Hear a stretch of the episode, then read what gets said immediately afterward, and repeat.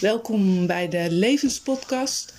Uh, ik ga in gesprek met uh, Nicolaas de Ridder over zijn boek wat hij aan het schrijven is. het gaat over trauma's opruimen en we gaan het voornamelijk ook hebben over het ego. en Nicolaas, ja, wat is ja. het ego nou precies? Kan je dat eens uitleggen? Ja, ik zal iets, iets vertellen over de opbouw van het boek, zeg maar. Het begint gewoon in een omgeving waar heel veel trauma's waren. Omdat mijn, mijn moeder, dat was, was een oorlogsslachtoffer, dus die, die zat helemaal in de lage trillingen vast, zeg maar. En, um, en onder die omstandigheden ben ik, ben ik opgegroeid. En uh, wat er ook bij hoort is als je je trilling te veel laat zakken, is dat je ziek gaat worden. Zeg maar. Dus op een gegeven moment begon ik dezelfde ziektes te ontwikkelen als mijn moeder. Mm -hmm. En, uh, en van daaruit ben ik eigenlijk die spiritualiteit ingekomen, dingen gaan uitzoeken en zo. En naarmate ik verder vorderde op die weg van het opruimen in mezelf, van trauma's opruimen. En uh, ja, toen dacht ik, dat, dat, dat, is, dat is bij uitstek iets voor een boek. En dan, dan leg ik het uit aan de hand van, van mijn eigen leven en het leven van mijn moeder, wat die helemaal had meegemaakt, zeg maar. Ja, dat zijn, zijn de trieste verhalen natuurlijk, wat zich in zo'n oorlog afspeelt in zo'n concentratiekamp. Daar, daar gebeuren dingen. Daar kun je gewoon, als je nu gewoon redelijk comfortabel leeft, kun je daar helemaal niet naartoe verplaatsen. Van, uh, ze waren in die concentratiekampen vrouwen mm. aan het onvruchtbaar maken en, uh, en allerlei rare proefjes aan doen op mensen in Ravensbrück. Ja. ja, en als je daarin zit, dan kom je natuurlijk niet helemaal geestelijk gezond uit. Dus dat, dat was mijn start, dat ik met zo'n moeder in huis, zeg maar, uh, mezelf een beetje staande moest houden. Ja. Maar uiteindelijk ben ik dan naar, wat, naar die spirituele omzwervingen, waar, we al het een, waar ik al wat verteld heb, misschien mensen andere podcast al gehoord we gaan verdiepen in, hoe komt het nou dat mensen er zo'n puinhoop van maken. Van, uh, dat er zoveel oorlogen zijn en dat zoveel mensen ongelukkig zijn en zo. Dat is allemaal... En, dan kom je toch bij het ego terecht ook. Dat uh, als je geboren wordt, dan... Uh, ik, ik ga, hou gewoon even de volgorde van, van het boek aan, zeg maar. Want wat je jezelf af kunt vragen voor jezelf, is van wie woont er eigenlijk in mij? Dus je zit in je lichaam en je kijkt door die oogjes. Hmm. Maar draai die vraag nou zo wie precies kijkt er nu door die oogjes? Mm. Want je kijkt naar buiten en je vindt van alles en je hebt oordelen en je vindt dingen leuk en mm. noem het allemaal op. Hè. Maar om die weg naar binnen van, van hoe zit ik in elkaar? Ja, dat, dat is een hele leerzame weg. Want dan weet je hoe je jezelf op positieve, positieve manier ja, kan ontwikkelen, op de rails kan zetten. En dan krijg je gewoon toch, kun je aan een gelukkige leven bouwen als je weet hoe je zelf in elkaar zit. En dat ego, dat als je aan iemand vraagt van, van wie ben je, weet je, mm stel je eens voor, dan beginnen de meeste mensen te vertellen wat voor leeftijd ze hebben, waar ze wonen en wat voor baan. Mhm. En dat is het dan, weet je wel. Ja. Nou, dat is natuurlijk niet echt een, als je erover nadenkt, niet een bijster intelligente opmerking of zo. Dat, dat is gewoon ego-informatie. Ja. En, uh, maar het ego heeft ook een belangrijke functie. Het, het, maakt ons een individu. En uh, het ego heeft een beschermende taak. Het, het, zorgt dat we die dingen verwerven die we denken nodig te hebben. Dus je hebt altijd zo'n soort honger naar spullen, weet je wel. Dat heb je de mensen wel meer of mhm. mindere mate. Maar je, je verwerft die dingen die je denkt nodig te hebben. En uh, je wil veiligheid en, wat voorstellen in de wereld en zo. Dus een hele hoop van, van die dingen die je uitvoert in je leven, dat is terug te voeren op ego-impulsen. Ja. En het ego is verbonden met het fysieke lichaam. Dus als ons ego sterft, dan sterft ons, als ons lichaam sterft, dan sterft ons ego ook. Dus het ego heeft wel een grote inbreng in je leven, maar het is mhm. eigenlijk niks. Als je doodgaat, dan is het er niet meer. Dan ga je verder met je ziel en je geest, met, met die hogere, ja. die hogere lagen in jezelf. Dus je, je bent eigenlijk een, een multidimensionaal wezen. Hè? Je hebt uh, verschillende lagen in jezelf. En die ego-laag, zeg maar, daar zit je overlevingsdrift in. En die overlevingsdrift die gaat bij mensen overheersen als, als we ons onveilig voelen. Dan gaan we knokken voor onze vrijheid, zeg maar. Hmm. Van, uh, als je iemand zodanig onder druk zet dat hij, dat hij vreest voor zijn leven, zeg maar. Dan kiest hij in de eerste plaats voor zichzelf. En niet voor anderen, zeg maar. Dan zit je echt in, in de, in ego-overlevingsstand, zeg maar. Ja. En, en dat is natuurlijk ook wel bekend uit... Uh, dat mensen zo reageren. Want uh, dat, zei mijn moeder over die mensen die die campus hadden. Dan, zei, dan kwamen ze binnen en zeiden ze van nou je moet ons vertellen wat wie en wie je geholpen hebt en noem maar op weet je wel. En als je ons dan al alles verteld hebt, dan laten we je leven. En dan zei mijn moeder, ja dat doen ze niet, schiet je alsnog dood. Dus die, die, had dat soort verhalen, weet je wel, dat dan ging. Dus mensen werden in levensgevaar gebracht en dan kregen ze informatie. En dan... Hmm. Dus iedereen wil uiteindelijk blijven leven. En dat is natuurlijk je ego wat dat, wat dat doet. En als mensen echt soms kom je van die mensen tegen. En dan, zo was ik eigenlijk vroeger zelf ook wel, dat, dat ik uit mijn jeugd kwam en zo. Dat je gewoon wat scherp bent en onprettig en een harde stem en zo, weet je wel. Die mensen zijn een beetje verhard door het leven. Dat herken je misschien wel. Af en toe heb je er iemand bij en dan denk je schelle stem en een schreeuwerig, onplezierige persoonlijkheid. Maar die heeft dan een heel, heel, heel traject achter de rug, waardoor die verder is teruggezakt in zijn ego, zeg maar. Dus dat kan, Ja. als je mensen maar genoeg onder druk zet, zeg maar, dan worden ze onaangenamer. Dan gaan ze meer in het ego-stuk zitten. En ehm, ja, ik denk dat iedereen wel, wel zoiets kan bedenken van een persoon met een heel onaangenaam stemgeluid, die, die, die onprettig is en ook alleen aan zichzelf denkt, zeg maar. Dat, dat soort figuren, die heb je meestal wel eens ontmoet. Maar die mensen zitten helemaal in dat ego-stuk eh, te functioneren. En dan is het natuurlijk, als je iets over het ego wil leren, dan is het ook heel fijn om eens, of eigenlijk is dat niet heel gebruikelijk wat ik nu ga vertellen, maar er is in India een mevrouw geweest, die heette de vreugdevolle moeder, dat was, was zo'n Indiaanse heilige. En die, die, dat was een heel bijzonder meisje was dat. En die had eigenlijk praktisch geen ego-bewustzijn. Dus als je wil weten wat het ego-bewustzijn is, dan kun je ook kijken naar hoe zij functioneerde zonder ego. Dus ze zat in een hele hoge trilling. Dus elke zoveel tijd vond er wel eens een genezing van een ziekte plaats in haar omgeving. Mhm. Dan deed ze handoplegging of iets dergelijks. En dan werd ze geroepen bij iemand die op sterven lag. En dan ging ze aan het hoofd van het bed staan, hield ze de handen erop. En dan gaf ze die, diegene een behandeling. En dan, nou ja, dan kwam hij weer zijn bed uit, weet je wel. Dus die, Ja. die was zodanig met God verbonden dat hij ook eh, bijzondere genezing kon verrichten.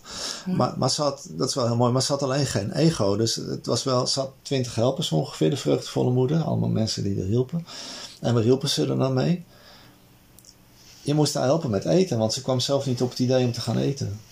Dus die helpers die gaven de eten. Ja. Maar dan, de mensen die zaten te kijken, die dachten al, ja, ze hebben gewoon geen idee wat ze zit op te eten, weet je. Of, je- of je nou een schep sambal erin doet, of, of eh, een schepje appelmoes of zoiets. Ze zouden het echt niet weten. Ik bedoel, Ja. die, die werd gewoon gevoerd door die helpers. En gewassen en aangekleed en zo. En die kon ook dagen in een soort hele hoge toestand wegschieten, dat ze gewoon helemaal afwezig was. En Ja. dan zat ze in een eigen goddelijke wereldje, zeg maar. Dus dat, dat was iemand zonder ego. Maar die deed dan ook niet de zorg voor het lichaam, zorg voor het huis, eten kopen, weet je wel. Dat, dat zijn allemaal dingen, dat zijn allemaal ego-activiteiten. Ja. Die basisdingen rond je eigen bestaan, dat is je ego wat daarvoor zorgt. Zeg maar. Ja. Maar aan de andere kant is het, het, dat was dus de vreugdevolle moeder, die had dan geen ego, maar dan, dan is dat heel aan de hand van haar leven, dat beschrijf ik ook in, in dat boek wat ik aan het maken ben, was dat, was dat een heel, heel mooi voorbeeld van als je het niet hebt, welke taken je daar moeilijk mee hebt. Ja. Dus dat, dat is wel iets heel leerzaams. En eh, ze zei, dat heb ik in het boek opgenomen, dat, dat, dat staat in het boek. En ze zei zelf van, eh, ik was als kind al bijzonder sereen en ik kon onverwacht opgaan in hogere bewustzijnstoestanden. Als vrouw leefde ik tussen de mensen, maar was opgegaan in God. Dit was, zo begreep ik later, ook de bedoeling van mijn leven. Zo herinnerde ik de mensen eraan dat wij alle iets in ons hebben dat contact kan maken met de goddelijke geest. Dat is de weg uit de moeilijkheden en de zwaarte van het leven. De zwaarte van het leven kun je eenvoudig achter je laten, door aansluiting te maken met de goddelijke geest. En hij, zij zal je leiden. De les van mens zijn is het onderkennen van datgene wat ons weghoudt bij de goddelijke moeder. Dat brengt ons ziekte, tekorten en boosheid. Nou, dan gaat die tekst een beetje door over, over wat gebeurtenissen in de leven en zo. Maar het is op zich natuurlijk wel heel bijzonder dat, dat iemand. Ja, ik ken eigenlijk geen mens zonder ego of zo, dus dit is wel een heel bijzonder verhaal. En als we dan verder kijken naar informatiebronnen over wat is ons ego-bewustzijn nou, want eigenlijk, eigenlijk niemand weet hier iets van wat ik nu aan het schrijven ben, zeg maar. Ik wist dat ook niet. En eh, mensen weten helemaal niet waar, wat een ego-bewustzijn doet. En waar je ziel begint en je geest, weet je wel. Mhm. En dat je aansluiting kunt maken met hogere werelden, met je goddelijke vonk. Mhm. En met, eh, met God dat je inspiratie kunt ontvangen op de best mogelijke manier. Ja. Leeft. De mensen zijn ook een soort van, we hebben ook die vissertijdperk achter de rug nu van 2000 jaar. En dan, dan, dan is de kerk, heb zich eigenlijk die religieuze instellingen zijn een beetje tussen de mensen en God in gaan staan. Dus dat moest je maar aan de pastoor vragen, weet je wel. Ik bedoel, dat was niet gestimuleerd van eh, in de kerk van maak zelf contact met, Nee. met de goddelijke vader moeder. En laat je leiden in je leven. Maar dat kun je wel. Ja. En ik, heb- in healingen kom ik wel eens tegen als je mensen die veel ja, zware religieuze verhalen daarmee om hun oren zijn geslagen, zeg maar. Je hebt, je hebt van die kerkelijke preken soms en dan worden, worden mensen de hele, van, vijf keer in zo'n preek uitgemaakt voor zondaar en dit en dat, weet je. Nou, als je dat wekelijks moet aanhoren, dan ga je serieus denken dat er iets mis is met je. Ja.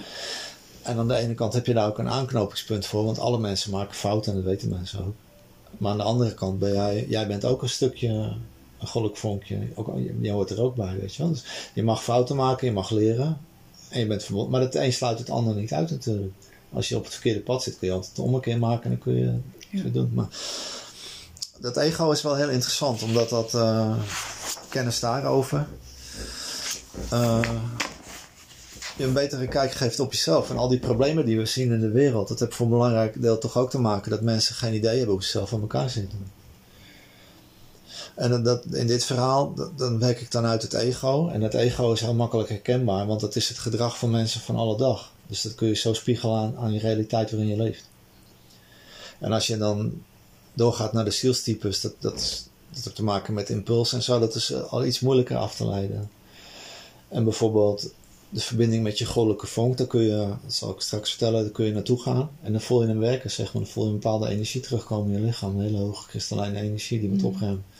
En dan denk je, oh, die heb ik ook, weet je wel. Omdat je je aandacht erop vestigt, kun je daar even verbinding mee maken. En dan komt die energie, die hoge trilling, die komt in jezelf.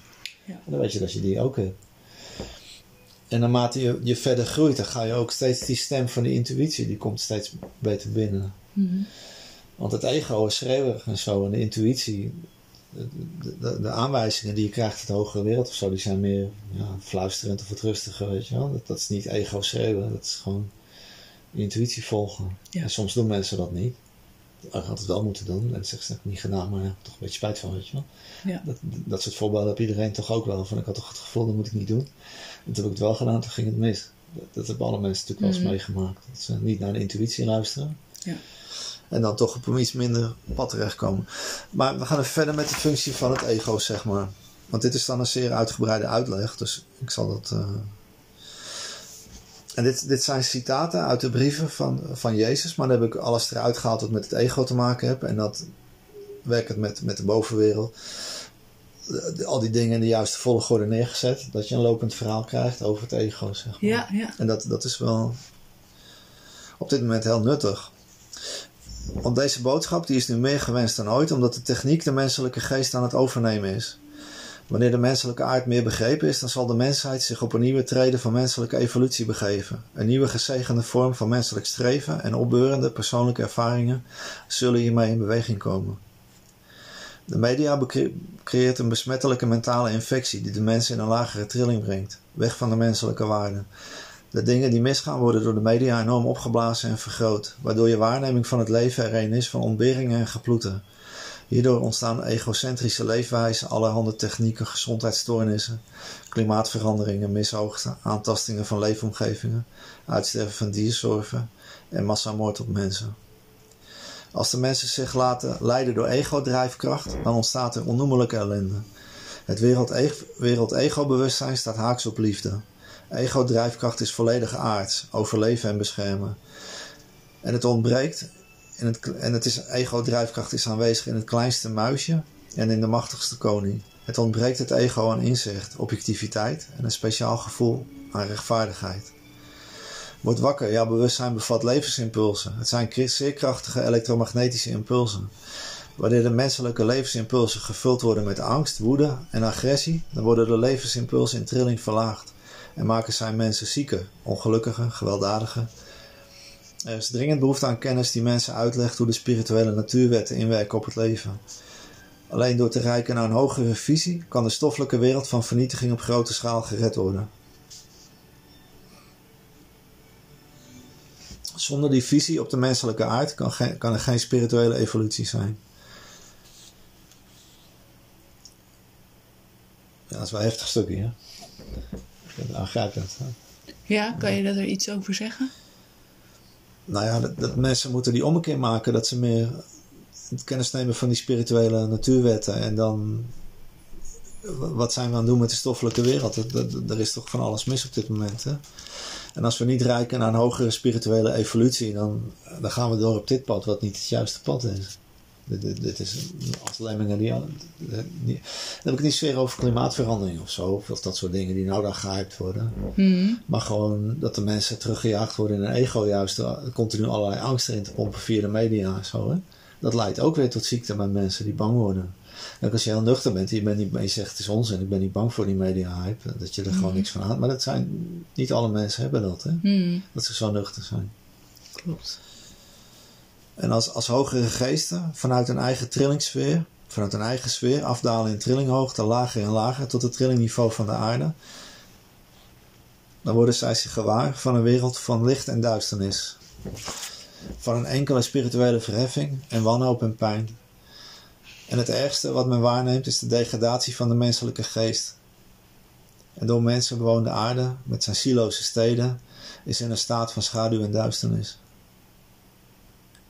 Dus het is niet zo dat de menselijke geest op dit moment hetzelfde blijft, maar die degradeert door, door die techniek. En zo mensen komen meer weg, die, die, gaan meer weg bij hun eigen innerlijk. Die worden meer in, in angst gejaagd in ego en technieken. En dat is allemaal niet wat bij mensen hoort. Hm. Dus we zitten, wat dat betreft, uh, is er werk aan de winkel. Maar je zult eerst moeten snappen hoe het zit. Anders dan kun je het probleem natuurlijk niet in de ogen kijken en oplossen. Ja. Alles kan gerepareerd worden, een nieuwe toestand van heelheid bereiken, door ego-houdingen en gedachten te veranderen in die van onvoorwaardelijke liefde. En dan, als het ego zich, als een kindje zich ontwikkelt in de buik van de moeder, dan wordt het kindje een ik en het kindje voelt gemak en ongemak. En op dat moment neemt het ego de leiding over het kindje. Dat begint al in de buik van de moeder. Het kindje ervaart dingetjes en dat, dat, dan groeit ook dat ego-bewustzijn met het lichaampje mee. Het hoort bij je lichaam. Ja. Overlevingsinstincten, ingeprente oerhoud bestaan, komen in het kindje. Wanneer de baby honger heeft, dan houdt het. Wanneer het aandacht of verzorging wil, dan houdt het. Het ego, de ik-oppasser, is tot leven gekomen. Als je niet zou rennen als je in gevaar zou zijn, dan is de kans groter om te sterven. Als je niet gehuild had om melk, om melk, melk geëist had, dan had je mogelijk honger geleden of was je gestorven. Als je de melk van je moeder niet had gehad en na het drinken in haar armen had geslapen, had je dan ook zo'n warme band met je moeder opgebouwd. Zonder ego-drijfkracht geen individu, geen bescherming, geen vervulling van behoeften, geen warme reactie, geen menselijke liefde, geen zelfbescherming, geen zelfverdediging, geen overleving. Dus het ego is wel heel belangrijk, want het maakt ons een individu. Alleen het, het ego is niet erg uh, van de naaste liefde. Het is, het is meer op, op het zelf gericht van uh, wat ik nodig heb. Weet je, alle, alle mensen herkennen dat wel. Je verzamelt graag spulletjes die je denkt nodig te hebben en zo. Hmm. De meeste mensen bij huis vol met spullen. Nou, dat, is, dat is wat je ego doet. Ja. Als je zo'n Indiaanse heilige ziet, die zit op zijn kussentje en dan heb je genoeg aan. Maar die, die zit minder in ego-bewustzijn natuurlijk. De problemen met mensen, die mensen ervaren, worden veroorzaakt door het centrale zelf van de mens, het ego. Je ego is minuut na minuut bezig om jou veilig te houden. En let erop dat je behoeften vervuld worden. Dat je de dingen verwerft die je denkt nodig te hebben. En bij elke aanwinst leeft het ego kort op in voldoening. En dan is het nieuwe bezit weer normaal. En de zintuigen gaan weer in rust. Nou, dat is ook wel heel herkenbaar. Je koopt iets en dan gaan mensen weer wat kopen, want dan willen ze weer blij zijn met iets wat ze gekocht hebben. Dat, is wel een heel bekendbaar iets natuurlijk, wat, wat, je, wat je met je eigen ego meemaakt. Je Ja. gaat naar de winkel, je koopt iets, je bent blij, je gooit in de hoek, kijkt er nooit meer om. Dan koop je weer wat anders, ben je weer even blij, weet je wel. Dus, Ja. en dat is natuurlijk wel een beetje wat vaak gebeurt. Dan vindt het ego weer wat nieuws om te kopen of te bereiken en herhaalt het proces van korte opwinding en voldoening zich. En zo wordt het leven een eindeloos najagen van persoonlijke korte voldoening van gevarieerde aard. Op het geestelijke vlak wordt leegheid ervaren. Jouw spirituele reis op aarde is bedoeld om los te breken uit de ondergeschiktheid aan het ego. Jouw hoogste spirituele doel is het besef dat jouw, jouw aardse verlangens enkel eindig zijn. Je zult nooit vervulling vinden wanneer je je overwegende gevoel van eigenbelang niet echt op kunt geven. Als je bijvoorbeeld kijkt naar de, de tien geboden, en dat, dat zijn dan regels als uh, gij zult niet stelen, geen overspel plegen, geen moord en dit, dat, weet. Dat zijn allemaal regeltjes die het in de ego in toon moeten houden. Het ego wil dingen verwerven. Ja. En als ik het niet kan krijgen, dan steel ik het maar. En dan, weet je, dat, dat, dat zijn allemaal ego-impulsen die niet gecontroleerd worden dan. Dus de, de tien geboden zijn regels om, om de ego-impulsen te beteugelen. Als je dagelijks negatieve woorden, gedachten, handelingen, je negatieve ego-bewustzijn op de wereld plakt, dan blijft het niet zonder uitwerking. Waar je ook echt in gelooft of praktisch mee bezig bent, goed of slecht, om het even wat, het zal zich in je leven manifesteren. Wees daarom gewaarschuwd mens en gebruik deze kennis om je te bevrijden van negatief ego-bewustzijn. Zorg ervoor dat je niet met andere mensen een grote negatieve bewustzijnsvorm schept, die in strijd is met een hoger bewustzijn, de bron van het leven. Dus als een hele hoop mensen in angst zijn in een oorlog of zoiets of zo, weet je wel, dan komen mensen in zo'n lagere ego-toestand terecht. En die is in strijd met, met goddelijk bewustzijn. Ja. Daar kun je dan ook niet, niet goed bij. Als je bang bent, dan ben je niet op zijn spiritueelst. Als iemand een pistool op je hoofd richt, dan denk je niet aan mediteren of zo, weet je. Ik bedoel, dat zijn tegengestelde dingen. En die angst die de overheid tegenwoordig de mensen aanjaagt en zo, dat, dat, dat heb je hier natuurlijk ook mee te maken. Ja. Dat mensen meer in ego-bewustzijn komen, overleving. Als je soms mensen tegenwoordig op straat ziet lopen die bang zijn voor corona of zo, met handschoenen en mondkapjes en hysterisch als je iets te dichtbij komt, weet je. Dus een hele ongezonde toestand is dat natuurlijk. Ja. Los van het feit dat er wel mensen longklachten hebben gehad van corona. En, en er gaan altijd mensen dood. Dus de vraag is ook, dat blijft natuurlijk een beetje moeilijk. Mensen willen niet dood. En dat is ook een ego wat niet dood wil, dat wil overleven. Dus die angst die mensen ervaren voor ziektes en zo, die vindt ook zijn oorsprong eigenlijk wel. Ja. Die begint in het ego. Ja. En angst opbouwen doe je ook in het ego. Ja. Dus je hebt alle belang bij om, eh, om, om je ego te ontgroeien. Om, om een hogere kennis te verwerven. En om te leren hoe je je moet verbinden met, eh, ja, met je hoger zelf, met je geest, met goddelijk bewustzijn. Daar heb je alle belang bij, want dan krijg je een veel leuker leven. Ja. En dat, dat staat dan weer een beetje haaks op wat mensen de afgelopen, eh, nou ja, laatste 2000 jaar in het vissen tijdperk hebben we veel in kerken gezeten en zo. En kerken bouwen. Iedereen moest kerken bouwen. En, en die kerken hebben heel verschillende sferen. Ik weet niet of je dat wel eens is opgevallen. Als je in de ene kerk kom je binnen en die voelt koud en, koud en griezelig aan. En dan kom je, ik ben wel eens in Frankrijk, is zo'n houtje touwtje kerk geweest. Die was in een dorpje gebouwd door de mensen zelf. Ja, die, en die leefden daar samen en die hielpen elkaar, weet je wel.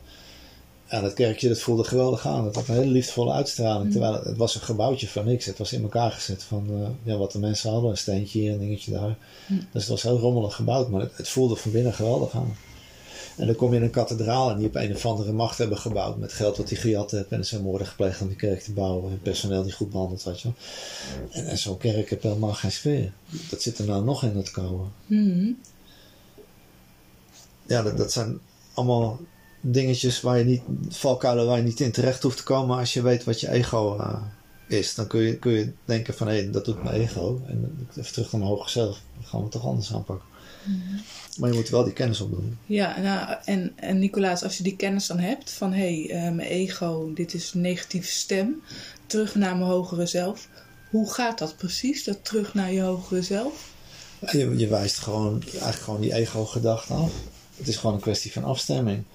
Als jij steeds meegaat met wat je ego wil, Ja, dan, dan is je ego is eigenlijk aan de macht, maar dat wordt dan ook energetisch krachtiger. ja, En je kan ook een toestand bereiken dat je ego, een stukje van je ego sterft. Dat hoor je wel eens van, van, Mhm. van, dat, van die verhalen van mensen die zich sterk spiritueel ontwikkeld hebben. Ja. Die hebben dan minder ego en die vertellen dan een verhaal. Maar ego is een stuk dood gegaan. ja, En dan, dat heb ik ook een keer gehad, zo'n ervaring. Toen lag ik in bed. En toen begon ik te denken dat ik dood ging. En toen was het 12 uur. Toen, toen begon ik te denken dat ik dood ging. En ik had natuurlijk ook helemaal geen zin om uit bed te gaan. Want dat heb je geen zin in als je doodgaat. Dus dan blijf je maar lekker liggen.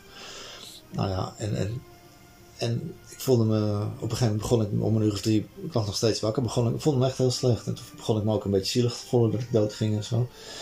En nog een uurtje later, om vier uur s'nachts. Dus toen was ik al vier uur aan het doodgaan. Toen dacht ik van, oh, het is alleen mijn ego maar dat doodgaat. Maar alleen mijn ego maar dat doodgaat. En toen, toen bleef ik dat herhalen. En toen viel ik heerlijk in slaap. En toen heb ik de rest van de nacht heerlijk geslapen. En toen werd ik wakker.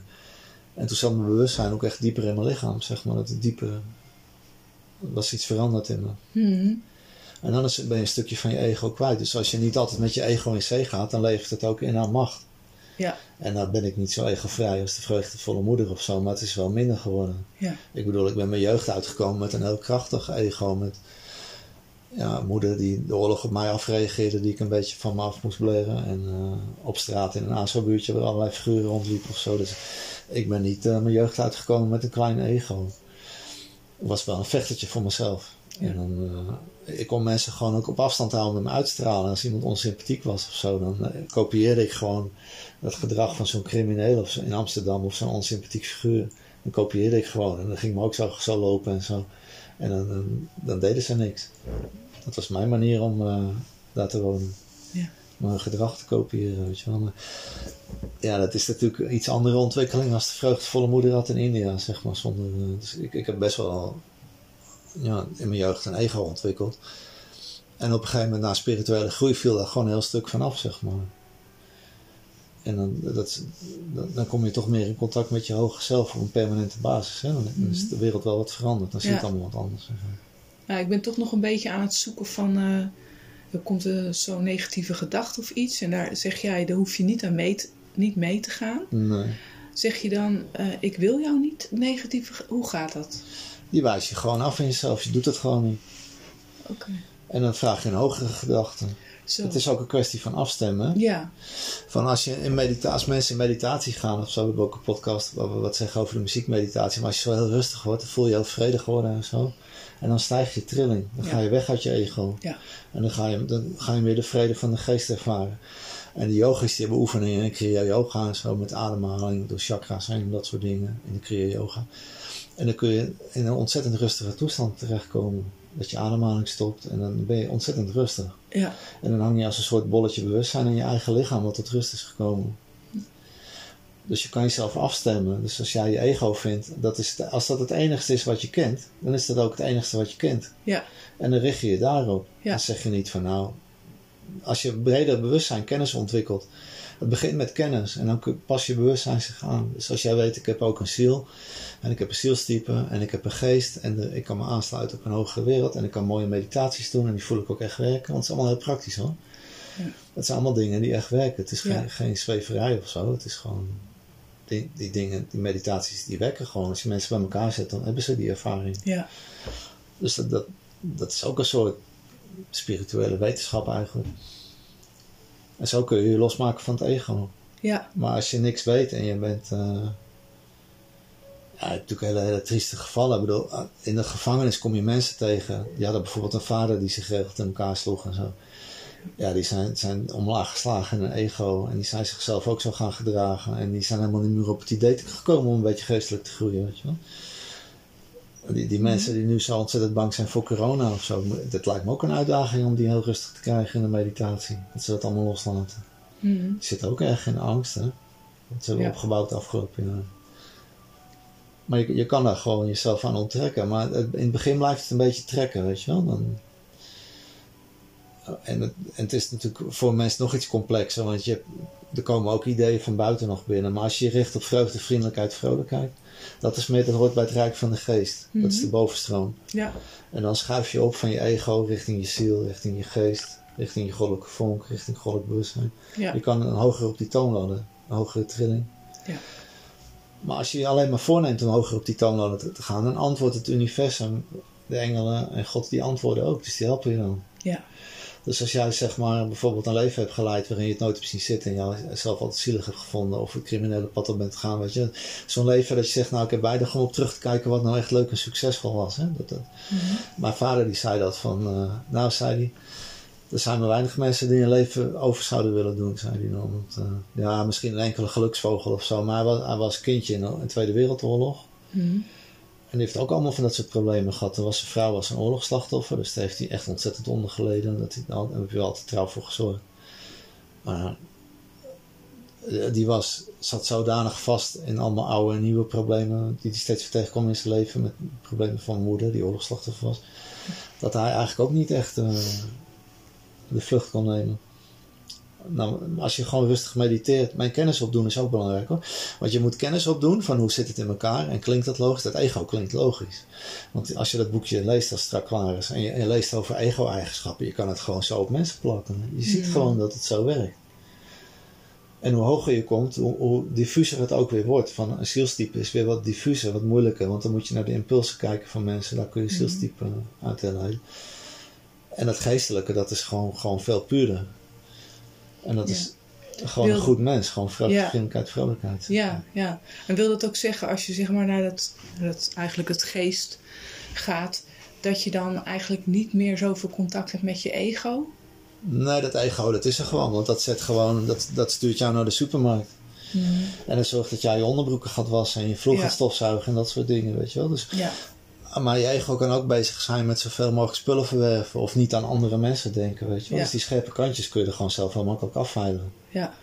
Dus je ego is van nature wat ongeremd, zeg maar. Mhm. En dan als je daar... Uh, als je dat weet van je ego, dan kun je er wat aan doen. Dan zeg je van, nou ja, die, die ongeremdheid van mijn ego, van alles maar voor mezelf en zo. Weet je, zulke mensen zijn tegenwoordig natuurlijk zat.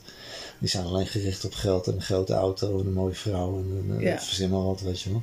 Ja. Of hoe ze eruit zien, of ze moeten een, uh, weet ik veel, een nieuwe titel of dikke lippen, weet ik veel wat allemaal, of plastische chirurgie, weet je. Dat zijn allemaal ego-uitwassen, zijn dat eigenlijk. Van. Ja. Dus, dat is, uh, dat zou handig zijn als je dat zou leren om dat te herkennen. Wat doet het nou met jou? Je ego houdt zich ook bezig met je uiterlijk en hoe je eruit Mhm. ziet en met je positie in de maatschappij. Dat is allemaal overleving, is dat ook. Hè? Overleving, voortplanting in die hoek, daar is het ego Ja. heel actief. Ja. En de, de rust en de vrede opzoeken en zo, dat is gewoon niet echt een ego-activiteit, dat is meer geestelijke activiteit. Ja. Maar als je, het is wel een kwestie van studeren, weet je. Als je dat boekje, daar staan zoveel dingen in over het ego. En als je dat eens rustig doorleest, dan, dan kun je uh, dat wel uh, herkennen. Bijvoorbeeld, als je, hier gaat de tekst dan verder, als je ego-impulsen zo krachtig zijn geworden dat ze je leven beheersen, dan is je bewustzijn zo uit evenwicht dat de bewustzijnstrillingen zo verlaagd zijn, verstoken van gezond verstand, dat zij de mensen om je heen ongunstig beïnvloeden en bewustzijnsblauwdrukken van onvrede scheppen. In die mate dat ze ook je toekomst ongunstig gaan beïnvloeden. Dus als je je onprettig gedraagt, krijg je ook weer onprettige dingen terug. Waardoor je je weer onprettig gaat gedragen. Weet je wel? Dat, dat soort verhalen. Dat verzaaien en oogsten en Mhm. slaan en geslagen worden en zo. Dat, dat is ook ego. Ja. Mensen die heel erg met zichzelf bezig zijn, die zullen ook niet snel iemand aan de deur krijgen die iets voor hun gaat doen. Weet je wel. Die, andere mensen laten dat soort mensen ook dan links liggen. Ja. Terwijl als je wat voor een ander doet, dan komen er ook alweer mensen die wat voor jou doen. Dat is een hele andere energie waar erin zit. Hè? Ja. Als je angstig, boos of woedend bent, dan zullen je op holgeslagen emoties een negatieve invloed uitoefenen op de toekomst. Op het moment dat een negatieve oogst komt, dan heb je nooit geweten of je bent vergeten dat je het ooit zelf gezaaid hebt. Die mensen die negatieve dingen zaaien, dus die, die, die, de een iemand uit en die wordt dan zelf uit, die weet dat niet. Dat, die, dat, dat vergeten ze dan weer. Hè? Mhm. Hun eigen negatieve gedrag, dat zien ze niet. Dan, maar, maar ze ervaren wel weer negatief gedrag van anderen. Ja. Waardoor ze zelf ook weer. Dus dat zijn ook zo'n laag waar je echt een beetje uit moet worstelen. Door, door hoger te gaan denken, door meer aan vreugde, vriendelijkheid en vrolijkheid te gaan denken. Hoe komen we uit het moeras van onze eigen chaotische denken en onze emotionele reacties? Door goede bedoelingen, meditaties, vredig leven, spirituele trillingverhogende activiteiten, begint de mens zich onder de ondergeschiktheid aan het ego uit te werken. Het kost tijd om je gedachten en negatieve emoties te zuiveren. Het individualiseringsproces is de oorzaak van het duwen en trekken in menselijk gedrag. Het is de bedoeling op aarde in bewustzijn te stijgen totdat je hele menselijkheid op het gewenste niveau van, van geestelijke ontwikkeling komt. Als het wereldbewustzijn volledig afgestemd raakt op goddelijk dan verdwijnen alle vijandige en nare dingen in de wereld. Zodat bijna alle levens een normale vredig verloop kunnen hebben. Binnen de mantel van universele liefde en bescherming is geen plaats voor malaria-dragende muggen, sprinkhanen die je gewas kaal vreten, infecties, virussen en natuurrampen. Blijf even stilstaan bij de wereld zoals die nu is, door de gemiddelde menselijke mentaliteit, door het ego geregeerd. Hoe kom je uit het moeras van die lage bewustzijnstrillingen? Het is niet mogelijk om met de kracht van je ego je ego te overwinnen. Je kunt ook niet koud water verwarmen door er koud water bij te gieten. Je ogen moeten geopend worden voor het feit dat je boven je eigen bewustzijn, het superbewustzijn, goddelijk bewustzijn, actief is.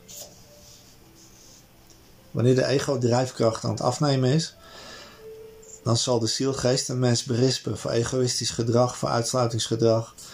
De zielgeest zal aansporen tot onvoorwaardelijke liefde. Het besef van allemaal afkomstig uit dezelfde meestergeest zal groeien. Het bewustzijn zuiveren van ego, zodat de zielgeest tevoorschijn kan komen uit de nauwe begrenzingen van ego-drijfkracht. Er is grote reden tot vreugde als de zielgeest het ego aan het overwinnen is. De mens die het ego overwonnen heeft, vindt zichzelf in een cirkel van doorlopende zegeningen. Omgekeerd is de reden tot verdriet wanneer mensen in ego-bewustzijn blijven. Deze mensen zitten in een web van ego-bewustzijn gevangen. Net zoals een vlieg gevangen zit in een spinnenweb. Het gevecht om de gedachten los te maken uit de lagere bewustzijns trillingsfrequenties. Wanneer de ego-drijfkracht aan het afnemen is, dan zal de mens zichzelf berispen voor egoïstisch gedrag, uitsluitingsgedrag, gierigheid, agressie. Je hoge zelf, de geest, zal de mens aansporen tot onvoorwaardelijke liefde. Je kunt de hemel op aarde binnengaan door te leren in contact te komen met de meeste geest, goddelijk bewustzijn. Om je geest en hart binnen te gaan.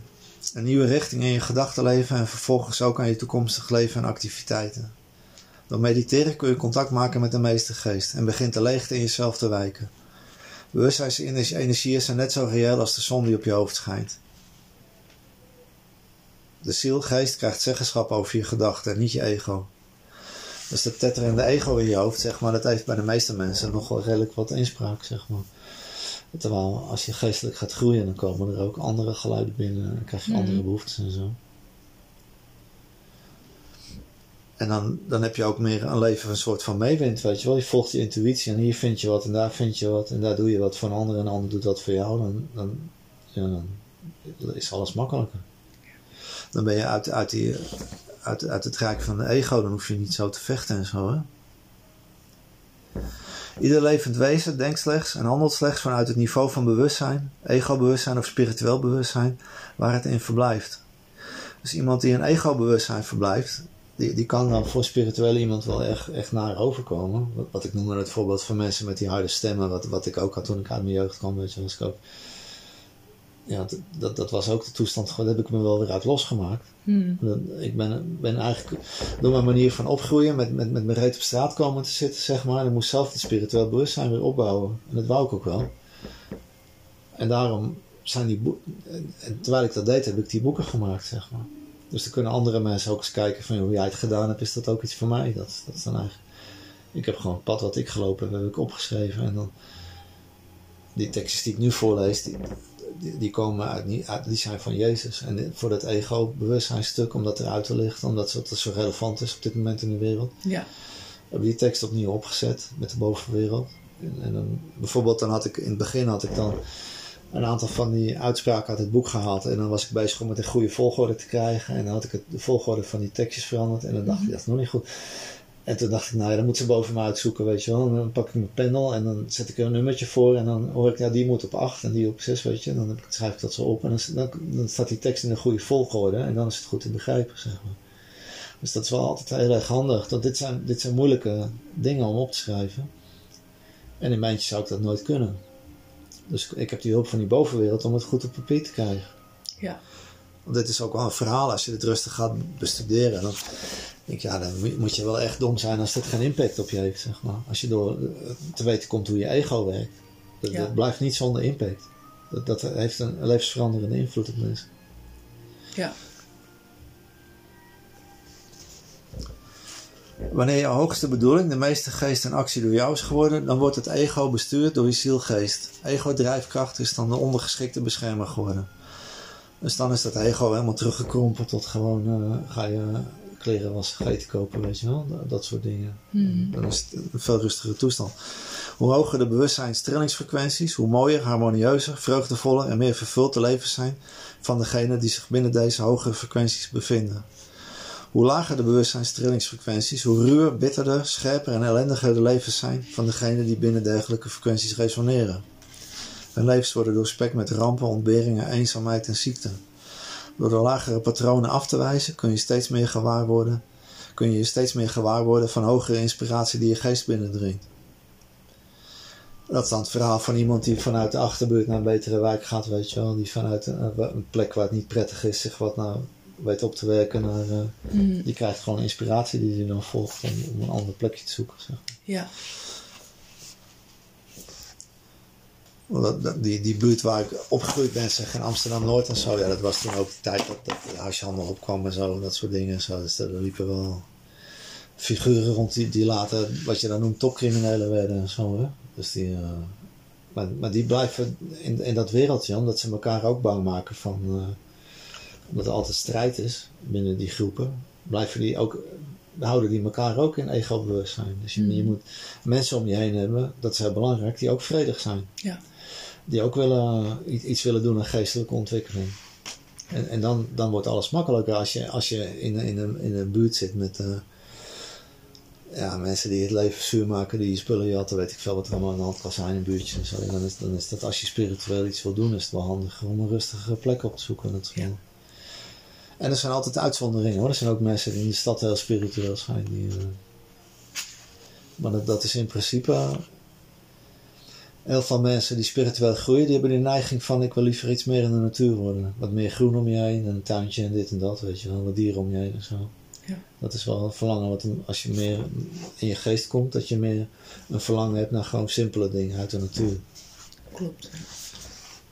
In plaats van, van de grote auto en zo, weet je wel, dat, dat soort dingen.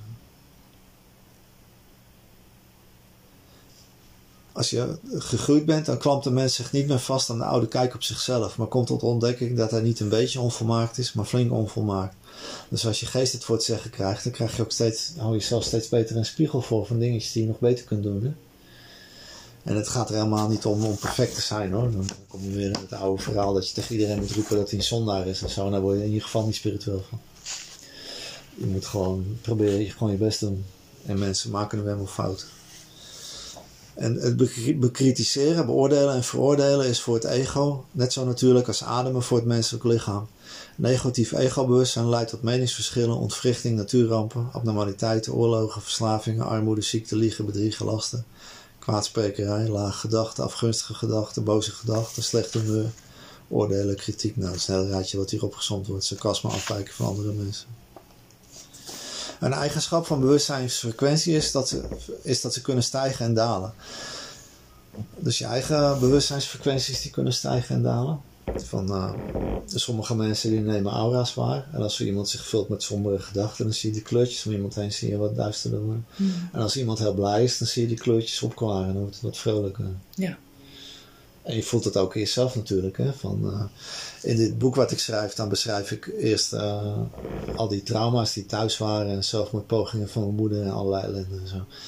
En dan, ja, omdat mijn moeder de liet maar fluiten los over de oorlog. Dus ik hoorde er wel wat over, maar wist niet precies. En toen, las ik van Etty Hillesum, van een brief uit Westerbork, heb ik een stukje over, erin gezet. En die schrijft een verhaal met de kop en staart wat mensen meemaakten in de oorlog. Dus daar heb ik een aantal bladzijden van opgenomen. En als ik dat doorlees, weet je wel, dan voel je gewoon, ja, je energie voel je eigenlijk zakken. Gewoon, dan kom je een hele verdrietige stemming kom je dan. Ik, ik, ik heb die tekst al heel vaak doorgenomen om te verbeteren en zo, maar ik haal nooit het eind zonder te huilen gewoon. En dan kom je in die tekst van hoe ik het als jongetje oploste door buiten te spelen en zo. En dan deden we allemaal, allemaal dingetjes die ons leuk leken en ook wel Hmm. een beetje ja, een beetje te enthousiast. Bijvoorbeeld dat de vader van een vriendje dat gevraagd van jongens, kunnen jullie, waren verkleed als Zwarte Piet, kunnen jullie bij ons, waren we een jaar of tien, kunnen jullie bij ons de cadeautjes brengen? En toen dacht je natuurlijk dat we door de voordeur zouden komen, weet je wel, naar driehoog. En toen waren wij via de bliksemafleider omhoog ge- geklommen, naar het balkon. En op het raam geklopt en die vader schrok zich helemaal kapot. Ik heb nooit zo gelachen. maar dan, dan krijg je na die oorlogsverhaal een hele serie verhalen van wat ik in mijn jeugd aan buiten uitspookte. Allemaal van die Pietje Bel dingen en zo, weet je. En Het zijn mijn grapjes, dus ik lig zelf in een deuk, want ik herbeleef dat dan. En dan voel je eerst die stemming van het oorlogsverhaal, voel je die stemming helemaal in mijn neus zitten. En dan ga je die vrolijke dingen lezen en dan komt het weer helemaal omhoog, weet je wel. Wat ik er maar mee wil zeggen, als je, je stemming is heel bevattelijk. Voor, eh, als jij probeert in, in die stroming van vreugde, vriendelijkheid, vrolijkheid te blijven, en natuur en zo. Dan maak je het jezelf veel makkelijker, want dan zie je een hogere, hogere frequentie. En als je een leven hebt waarin je veel werk moet doen wat tegen je zin is. En je komt thuis in een gezin waar je niks aan vindt. Of je hebt altijd ruzie met je vrouw of met je man. Ik noem maar wat of zoiets of zo. Dan heb je al een aantal, geen leuke baan, geen leuk thuis. Dan heb je een aantal van die dompers in je leven. Hè? Die trekken je trilling dan weer omlaag. Ja.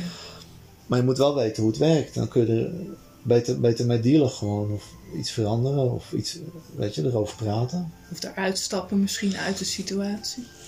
Ja, ik denk dat als je dat, dit boekje leest en je hebt, dat, je hebt kennis over het ego en over je ziel en over je geest en die verschillen in trillingen en zo, dat je veel bewuster bent dat je je eigen trilling hoog moet houden, je eigen Mhm. gedachten moet bewaken Ja. en zo. Ja. En dan dat is een winst, die neem je de rest van je leven mee. Ja. Dus dat, dat, dat is uh, Ja. nuttig besteden tijd is dat om dit, hier, je hierin te verdiepen. Ja, En het ook te doen. Ja, het is misschien als je thuis zit met een boek, weet je, dan ik lees nou dingen voor die over het ego gaan en zo. En, ja, dan, dan lees ik het voor in mijn tempo. Terwijl als je zelf het boek hebt, dan kun je een zin nog eens een keer lezen of zo. Ja. Dan, dan, dan komt het nog iets meer binnen natuurlijk. Ja. Dan leer je er meer van. Maar goed, Ja. door het boek te bespreken hebben mensen krijgen natuurlijk wel een idee van of dat boek misschien iets is wat ze ook een keer willen lezen. Of Ja. dat het een materie is waar ze zich in willen verdiepen. Zeker, want je hebt Ja. ook meer boeken geschreven. Hè? En die zijn eh, via bol.com eh, te krijgen, Ja, te precies. bestellen. Ja, ja. Of andere boekhandels, internetboekhandels. Mensen die door... Dat stukje had ik gehad. Deze mensen ontdekken als ze geestelijk groeien dat ze ongeacht de moeilijkheden en het tumult in de wereld om hen gevoed, genezen, beschermd, verzorgd en onderhouden worden. In volmaakte gemoedsrust op voorwaarde dat ze binnen de spirituele bestaansfrequenties leven. Dus als jij je trillingen zo goed mogelijk hoog probeert te houden en je volgt je intuïtie, dan heb je een, een veel beter, dan gaat je leven gaat een andere wending nemen. Dan ga je andere dingen doen, andere kansen krijgen ook. Hè? Ja, En dat is een kwestie van proberen. Hè? Van, eh, als je jezelf losmaakt uit de oude. Als je ziet hoe ik begonnen ben met, met eh, in een flatje in Amsterdam met, met, met een moeder die ze niet meer op een rijtje had en een vader die het ook niet meer wist, allemaal ellende en zo. En nou zit ik er toch heel anders bij, op een stuk grond van drie hectare met een engelentuin en zo, weet je wel. Dus dat, dat, voor mij heeft dat wel gewerkt, dat pad. Het heeft wel zo uitgepakt dat ik op het idee kwam om grond te kopen in de rente. Maar dan zijn het ook intuïties die je volgt in je leven. Van ik moet dit doen of zoiets. En je weet zelf nog niet precies wat naartoe gaat. Maar je hebt toch het gevoel dat je het moet doen. Hè?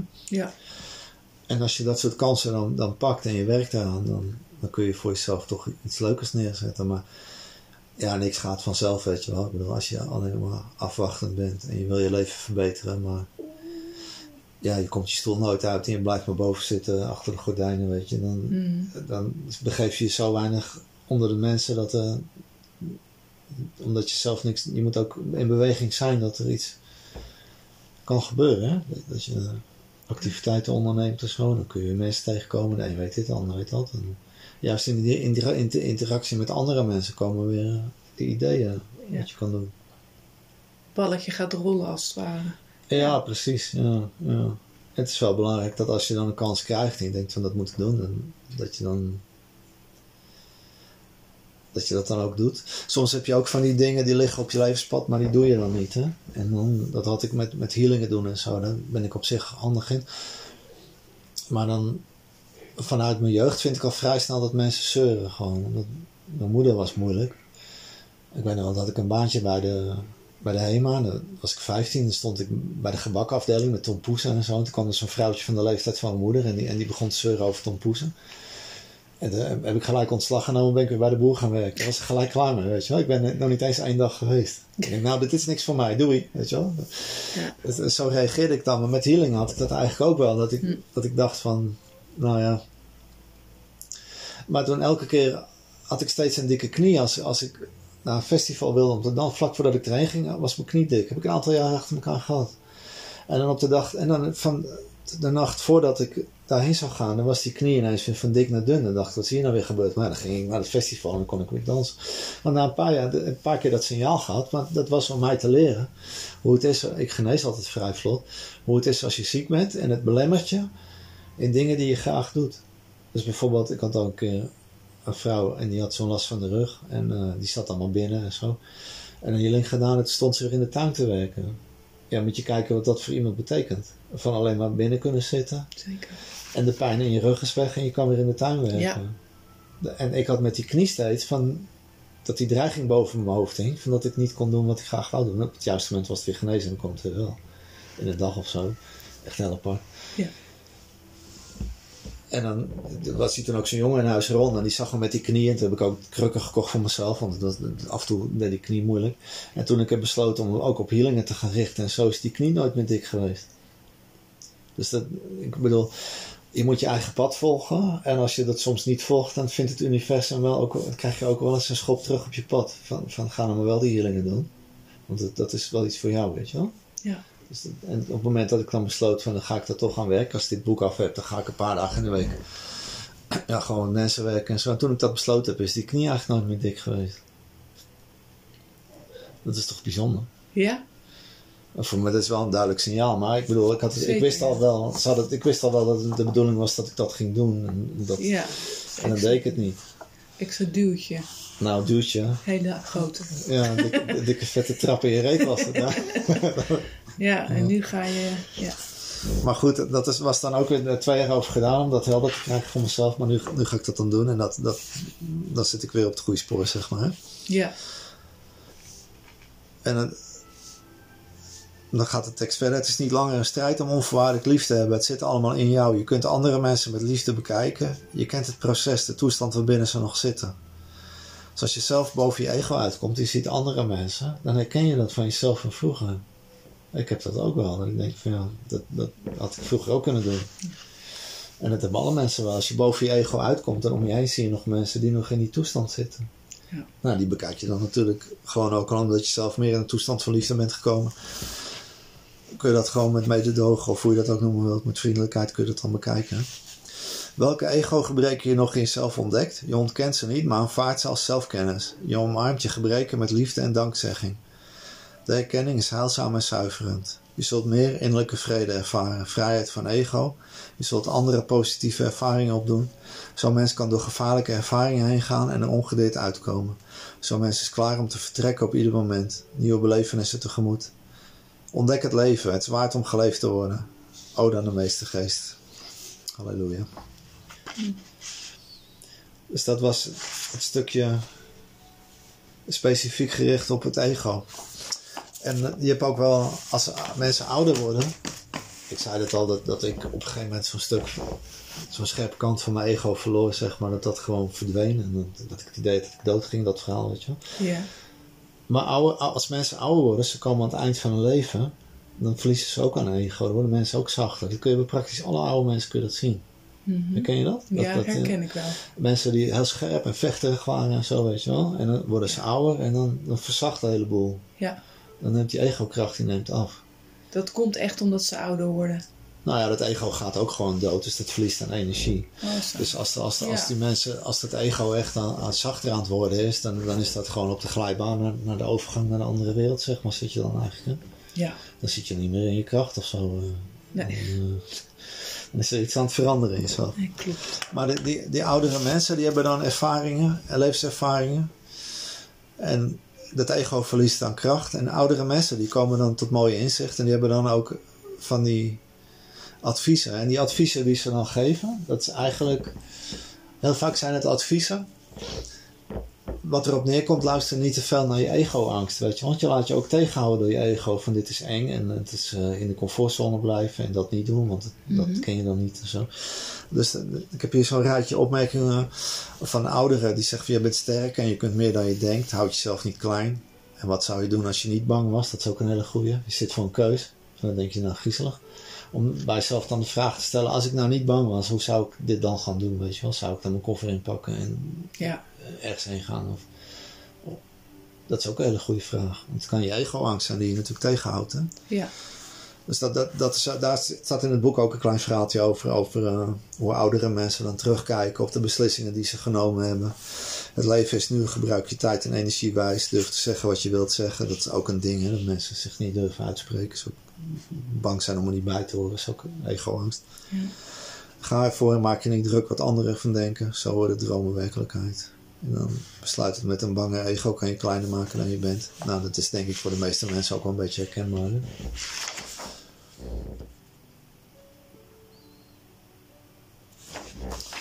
En dan, dat ego, dat heeft een bepaalde plek, dus je wordt ermee geboren. En dan, als kindje, neemt dat ego, het ego heeft de leiding in het kindje. En je houdt om melk als je dat wil hebben, weet je. Dat is je eerste ego-activiteit, Ja. huilen om melk. En als je niet verzorgd wordt, dan houdt het kindje laat zich wel horen, het ego, als, uh, als je wat Ja. nodig hebt, zeg maar. Dus iedereen, iedereen heeft een ego, iedereen wordt ermee geboren. Mhm. En eh, als je geleidelijk je trilling verhoogt, dan, en je ontwikkelt je geestelijk, zeg maar. Ja, dan ook wat ik zelf een heel prettig iets vind, is, is dat verhaal van de, van de zielstypes. Van je hebt in grote lijnen hebben mensen. En, eh, ik heb in het boek zit zo'n schemaatje. En dan laat ik dat eerst bespreken. Dan heb je het ego waar je in begint. Ja. Maar je, kan, je hebt ook mensen, ja, die komen helemaal niet richting de ziel. en, en geest, die hogere ontwikkeling. Je hebt ook mensen die zakken terug in, in een soort kwaadaardig bewustzijn, zeg maar. Of ongelukkig bewustzijn. Mhm. Hoeft niet per se kwaadaardig te zijn, hoor. Je hebt, wat- ik met healing wel eens tegenkom, met, eh, is dat ook... eh, je hebt ook wel hele gevoelige mensen, die trekken zich terug. Die gaan in een eentje in de natuur wonen. Maar die zijn in een eentje natuurlijk, daar zijn ze ook niet voor gemaakt van een eentje. Dus er zit zo'n zo'n gevoelig vrouwtje in een eentje in een boshut. En zelf hout hakken en een kostje om elkaar. Weet je wel, dus die is daar ook niet echt gelukkig van geworden. Dus die is dan teruggetrokken van de ruwe maatschappij. En die zit dan in een eentje in de natuur. En, maar die, die, die komt dan ook in een lagere toestand, want die is ook helemaal niet gelukkig in een eentje. Die wil aan de ene kant die ruwheid van die mensen niet om. En aan de andere kant, in een eentje kan ze ook niet gelukkig zijn, zeg maar. Ja. Dat, dat kom je ook wel eens tegen in healingen. Dat mensen die historie ook meeslepen. Dat ze zich afgezonderd hebben. Ja. En daar ben je ook niet voor gemaakt, hè? Nee. Maar goed, als je je ego laat zakken, dat kan dus door, door jezelf eenzaam te voelen, maar ook door, door verkeerde dingen te doen, en misdaden en de boel te verzieken en stelen en verkrachten en noem het allemaal op wat mensen allemaal uitspoken. Maar dan kom je in, in de sfeer van het kwade en hoe meer kwade dingen je doet, zeg maar, hoe meer het kwade ook greep op je krijgt. Dus die mensen die ja, stelen, verkrachten, mensen in elkaar slaan en noem, noem maar op dingen die echt niet moeten, weet je. Want dat hoort bij demonisch bewustzijn. Mhm. Maar dat krijgt een steeds sterkere greep op iemand. Als iemand eh, zich daaraan overgeeft, dan is het heel lastig om je daar... Ja. Het kost wel energie om er dan weer uit te komen. Dat kan wel hoor. Als, je als, mensen, als mensen in dat soort toestanden beland zijn. En ze krijgen inzicht in hoe dat werkt. Ja. Dan kunnen ze toch zeggen van we gaan de ommekeer maken en we gaan het anders doen. Ja. En die kans hebben mensen ook. Het is niet zo dat iemand verloren is of zo. Of dat eh, ongelukkig geweest of verkeerde keuzes gemaakt. Dat, dat het er dan niet meer toe doet of zo, weet je wel. Dat, dat is niet zo. Je kan altijd de goede kant op. Ja. En dan boven het ego, daar zit de ziel met de zielstypes. En dan, dat was voor mij ook een beetje een verrassing dat ik meer leerde over de ziel en erover aan het schrijven was, over de zielstypes en zo. Toen zeiden ze van ja, maar die ziel die valt er op een gegeven moment ook weer af. Dus je hebt dan je ontwikkeling als geest hier op aarde heb je goed en kwaad bij elkaar. Dat, dat zou je dan de derde kosmische graad kunnen noemen. En dan heb je de vierde, en dat is dan de geestelijke wereld en zo, weet je wel. En dan gaat ze omhoog, dan komt op steeds hogere trillingsfrequenties terecht als Mhm. geest, als je je verder ontwikkelt. En op een bepaald moment, en dat, dat, dat is voor mij ook wat diffuser, ik weet ook niet precies wanneer je ego loslaat. Maar op een gegeven moment gaan die impulsen van je, van je ziel, ik, ik zei ego, maar ik bedoelde ziel. Op een gegeven moment, je hebt je ego losgelaten als je doodgaat. En als je je hoger ontwikkelt als geest, dan laat je op een gegeven moment ook die impulsen van je ziel los. Oké. Ja. Ja, die heb je dan niet meer. Nee. Je on- ben je ontgroeid. Ja, dus dan zit je alleen nog Dan ben je geest. geest. Ja, dan ben je geest. Dan heb je... En dat kan wel hier op aarde. Nee, dat kan niet. Zeker niet op aarde. Nee, Nee? dan moet je echt naar een andere kosmische frequentie. Oh, hier, hier blijf je Ja. altijd met de zielstype. Maar, Oké. maar net als bij je ego, bepaalde zielstypes, die hebben ook haakjes, weet je wel. Zoals Ja. mijn zielstype is krijger. En een krijger die heeft, heeft eh, als hij onontwikkeld is, onvolwassen, en dan controleert, die krijgerimpulsen niet, de neiging om de leiding te nemen en de baas te spelen, weet je wel. Overal een Mhm. beetje overheen te stampen. Dat Mhm. had ik ook toen ik jong was. En, en, en best wel in behoorlijke mate ook. Dan moest ik eh, een keertje mee met een directeur naar een vergadering van een bedrijf. En ik was werknemer en hij was directeur. En toen zei hij tegen me, ja, gaat morgen met me mee hè, naar die vergadering. Want ik was technicus en ik ging dan vertellen hoe dat, hoe dat probleem opgelost moest worden. En hij was gewoon directeur. En toen zei ik tegen hem van, nou, jij gaat met mij mee, want ik weet hoe het zit. Weet je. Dat, dat soort dingen, weet je wel. Ja. Nou, dat zeg je natuurlijk niet tegen een directeur. Ja, ik dus wel. Ja. Ja, dat... Maar goed, daar zijn, ben ik ook weer overheen gegroeid. Maar dat is een krijgerimpuls van de leiding nemen. Het is een krijger neemt de leiding. En die zegt, ik weet hoe het zit, ik neem de leiding. Jij bent directeur, je gaat met mij mee, weet je wel. Ja, dat is natuurlijk niet... Dat, dat is dan een dingetje... En die krijgerimpulsen, dat kun je wel loslaten. Dan wordt het ook al minder, hoor. Ja. Dus ieder, ieder zielstype hebben ook haakjes met bepaalde impulsen. Die kun je los laten. Maar dat, dat is in een podcast niet zo goed te behandelen. Want eigenlijk moet je dat boekje over die zielstypes lezen. En dan kijken wat bij je past. En wat je ervan opsteekt is of je zelf... Wat, wat we wel kunnen doen is even kijken naar de energiegroepen die mensen hebben. Nou, we zitten op nog één minuutje. Oh, één minuutje. oké. Dat gaan we niet redden. Nee, maar je hebt, je hebt van die vurige mensen. Ja. Vurige en eh, soms wat drama, zo, dat zijn Ja. vuurtypes. En je hebt hele meegaande mensen die gauw met iets eens zijn, luchttypes. En je hebt aardetypes, dat zijn vaak ondernemers, zoals ik zeg maar, Ja. aardetype. Ja. En je hebt watertypes, en dat zijn mensen die neigen naar compromissen. En die, zijn ook krachtig, maar die, als ze een probleem hebben, lost het vaak niet, niet meteen op. Dus zwemmen ze nog een rondje mee, als het ware. hè. Maar die zielstypes is ook heel interessant. Maar uiteindelijk kom je dan bij de geest uit. in je ontwikkeling. En dan ben je Ja. een hele tijd verder. Maar als je op aarde maar weet hoe je ego werkt en dat je je daaraan kan ontworstelen, dat is Ja. punt nummer één. En dat die andere dingen over ziel is iets diffuser, over geest iets diffuser. Goddelijk vonk kun je voelen, kun je leren, staat in het boekje. En verbinding maken met goddelijk bewustzijn is ook een traject dat je zelf steeds duidelijker gaat horen wat de bedoeling is. ja, En dan, dan laten we het hierbij om te ja, dat is eh, hartstikke fijn. En, en hoe kunnen mensen jou bereiken? www?